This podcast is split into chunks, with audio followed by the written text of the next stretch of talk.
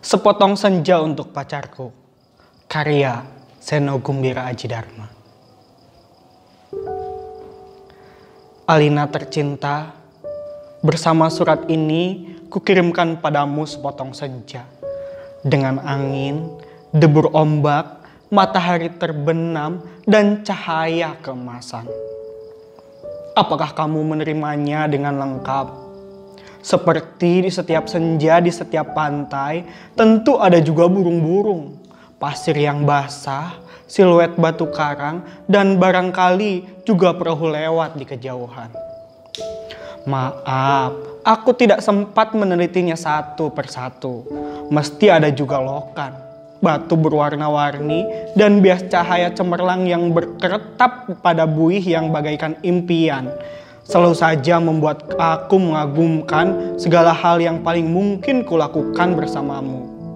Meski aku tahu, semua itu akan tetap tinggal sebagai kemungkinan yang entah kapan menjadi kenyataan. Kukirimkan sepotong senja ini untukmu.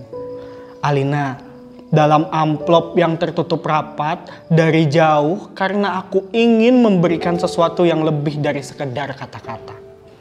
Sudah terlalu banyak kata-kata di dunia ini, Alina. Dan kata-kata ternyata tidak mengubah apa-apa.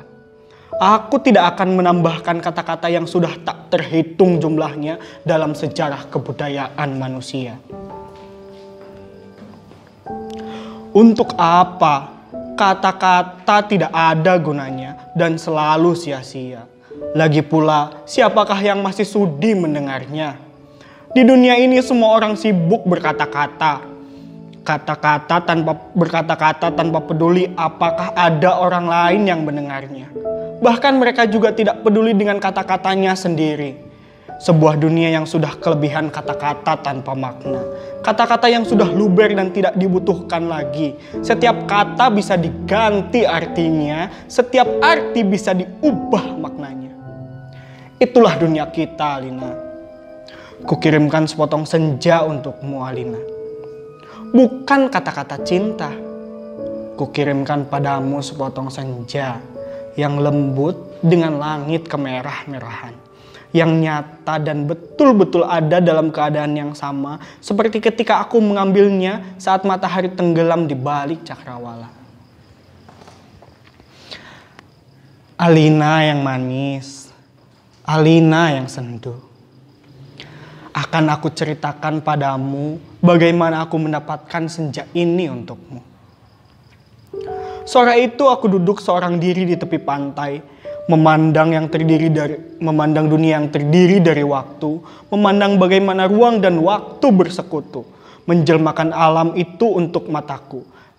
Di tepi pantai, di tepi bumi, semesta adalah sapuan warna keemasan dan lautan adalah cairan logam, meski buih pada debur ombak yang mengempas itu tetap saja putih seperti kapas dan langit. Tetap saja ungu dan angin tetap saja lembab dan basah, dan pasir tetap saja hangat ketika kususupkan kakiku ke dalamnya. Kemudian tiba-tiba senja dan cahaya gemetar, keindahan berkutat melawan waktu, dan aku tiba-tiba teringat padamu. Barangkali senja ini bagus untukmu. Pikirku, maka kupotong senja itu sebelum terlambat kukerat pada empat sisi, lantas kumasukkan ke dalam saku. Dengan begitu, keindahan itu bisa abadi dan aku bisa memberikannya padamu. Setelah itu aku berjalan pulang dengan perasaan senang. Aku tahu kamu akan menyukainya karena kamu tahu itulah senja yang selalu kamu bayangkan untuk kita. Aku tahu kamu selalu membayangkan hari libur yang panjang, perasaan yang jauh, dan barangkali sepasang kursi malas pada sepotong senja di sebuah pantai di mana kita akan bercakap-cakap sembari memandang langit sambil berangan-angan, sambil bertanya-tanya, apakah semua ini memang benar-benar telah terjadi? Kini senja itu bisa kamu bawa ke mana-mana. Ketika aku meninggalkan pantai itu, kulihat orang-orang datang. Berbondong-bondong. Ternyata mereka gempar karena senja telah hilang. Kulihat cakrawala itu berlubang sebesar kartu pos. Alina sayang, semua itu telah terjadi dan kejadian akan tetap seperti itu. Aku telah sampai ke mobil ketika di antara kerumunan itu kulihat seorang menunjukku ke arahku. Dia yang mengambil senja itu. Saya lihat dia yang mengambil senja itu. Kulihat orang-orang melangkah ke arahku, melihat gelagat itu aku segera masuk mobil dan tancap gas. Catat nomornya, catat nomornya. Aku melejit, melejit di ke jalan raya, ku kebut mobilku tanpa perasaan panik. Aku sudah berniat memberikan senja itu untukmu dan hanya untukmu saja, Lina. Tak seorang pun boleh mengambilnya dariku. Cahaya senja yang kemasan itu berbinar-binar di dalam saku. Aku merasa cemas ketika meskipun kaca mobilku gelap, tapi cahaya senja tentu cukup terang ter dilihat dari luar. Dan ternyata cahaya senja itu memang menembus segenap cahaya dalam mobilku. Sehingga mobilku itu meluncur dengan nyala cemerlang ke aspal maupun ke angkasa. Dari radio yang ku setel aku tahu, berita tentang hilangnya senja telah tersebar ke mana-mana. Dan televisi dalam mobilku, bahkan kulihat potretku sudah terpang-pang. Aduh, baru hilang satu senja saja sudah paniknya seperti itu. Apakah tidak bisa menunggu sampai besok? Bagaimana kalau setiap orang mengambil senja untuk pacarnya masing-masing? Barangkali memang sudah waktunya dibuat senja tiruan.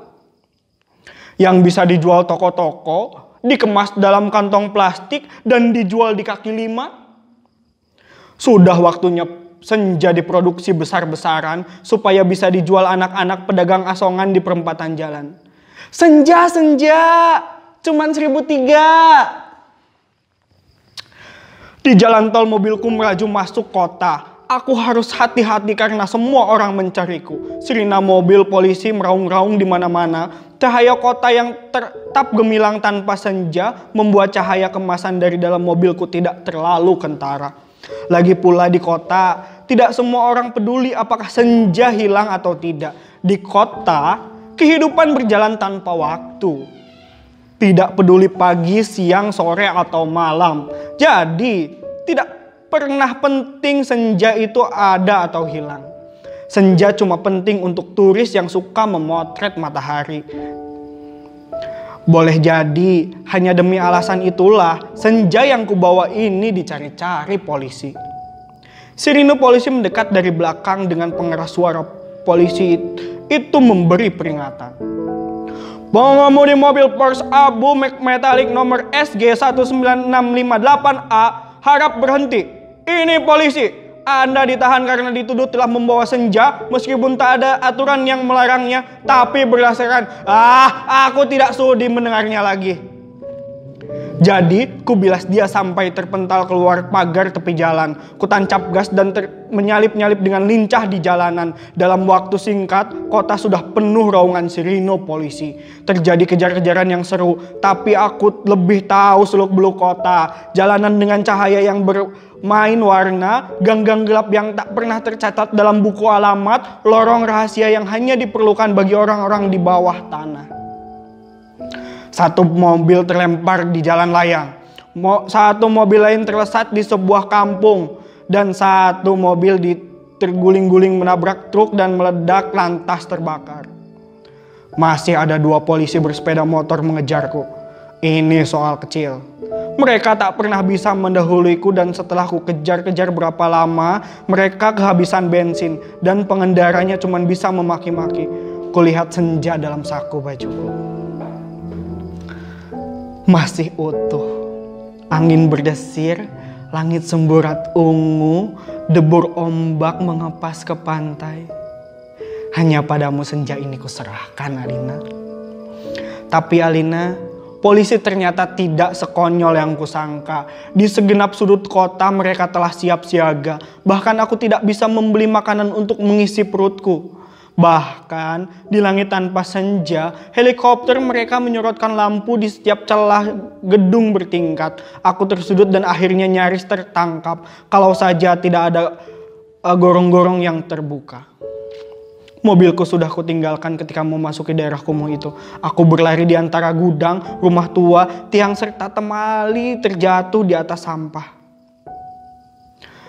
Merayapi tangga-tangga reot sampai seorang gelandangan menuntunku ke suatu tempat yang tak akan pernah kulupakan dalam hidupku. Masuklah, katanya tenang. Di situ kamu aman. Ia menunjuk gorong-gorong yang terbuka itu. Ada tikus keluar dari sana. Bau bacin dan pesing, ku tengok ke bawah. Kulihat kelelawar bergelantungan, aku aku ragu-ragu.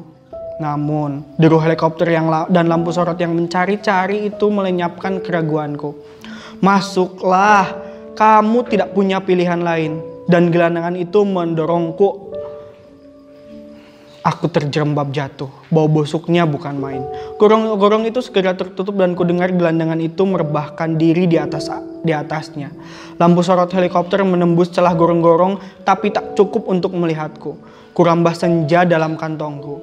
Cahaya yang merah kemasan membuat aku bisa melihat dalam kegelapan.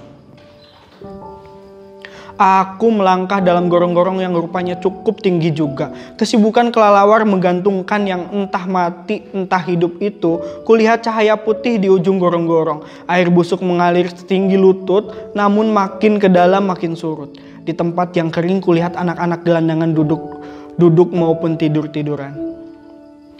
Mereka berserakan memeluk, rebah, memeluk rebana dengan mata yang tidak memancarkan kebahagiaan.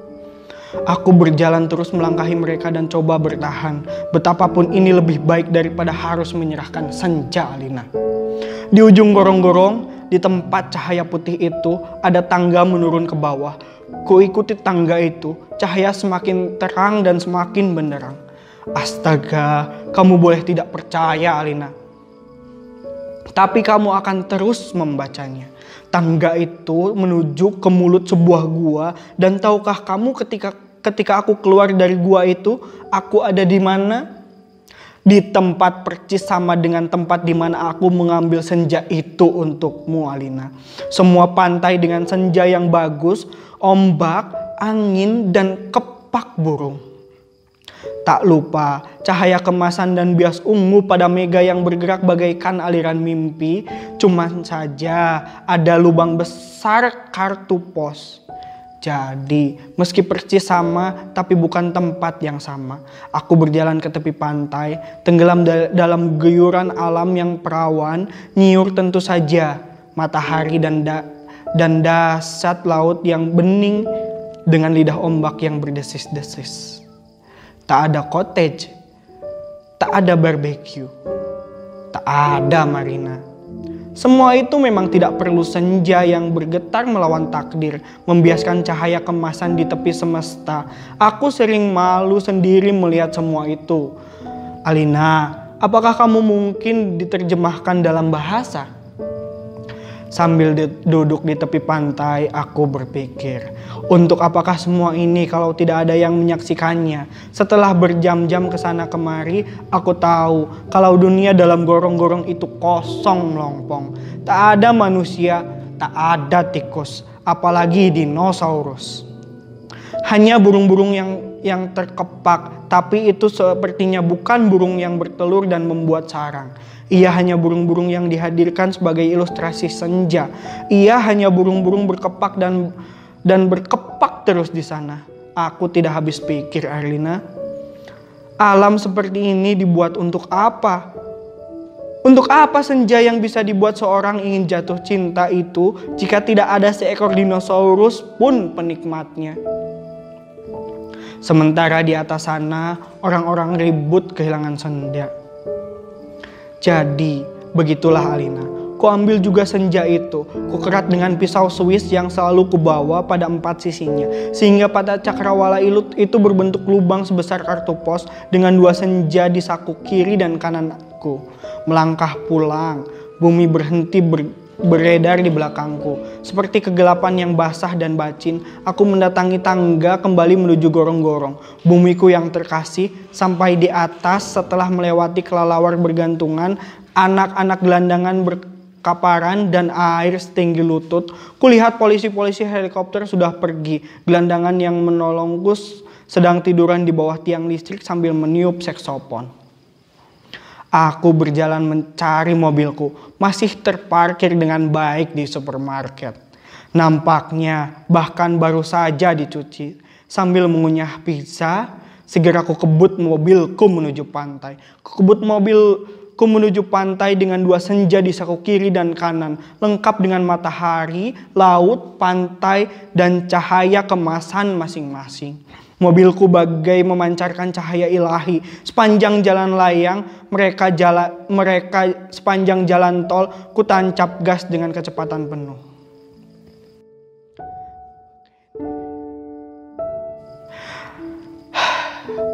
Alina kasihku, pacarku, wanitaku, kamu pasti sudah tahu apa yang terjadi kemudian. Kupasang senja yang dari gorong-gorong pada lubang sebesar kartu pos itu dalam ter dan ternyata pas.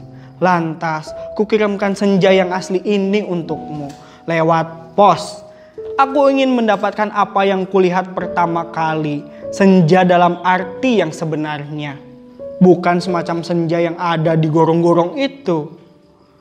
Kini, gorong-gorong itu betul-betul menjadi gelap Alina. Pada masa yang akan datang, orang-orang tua akan bercerita pada cucunya tentang kenapa gorong-gorong menjadi gelap. Mereka akan berkisah bahwa sebenarnya ada alam di bawah gorong-gorong dengan matahari yang rembulannya sendiri.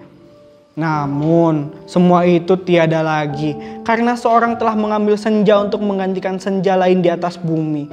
Orang-orang tua itu juga akan bercerita bahwa senja yang asli telah dipotong dan diberikan oleh seseorang kepada pacarnya. Alina yang manis, paling manis dan akan selalu manis.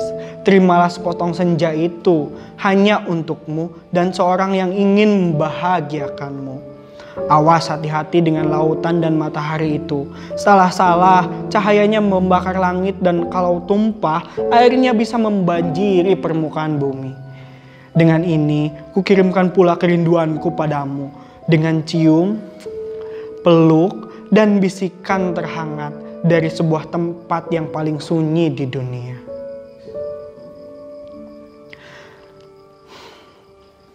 Terima kasih.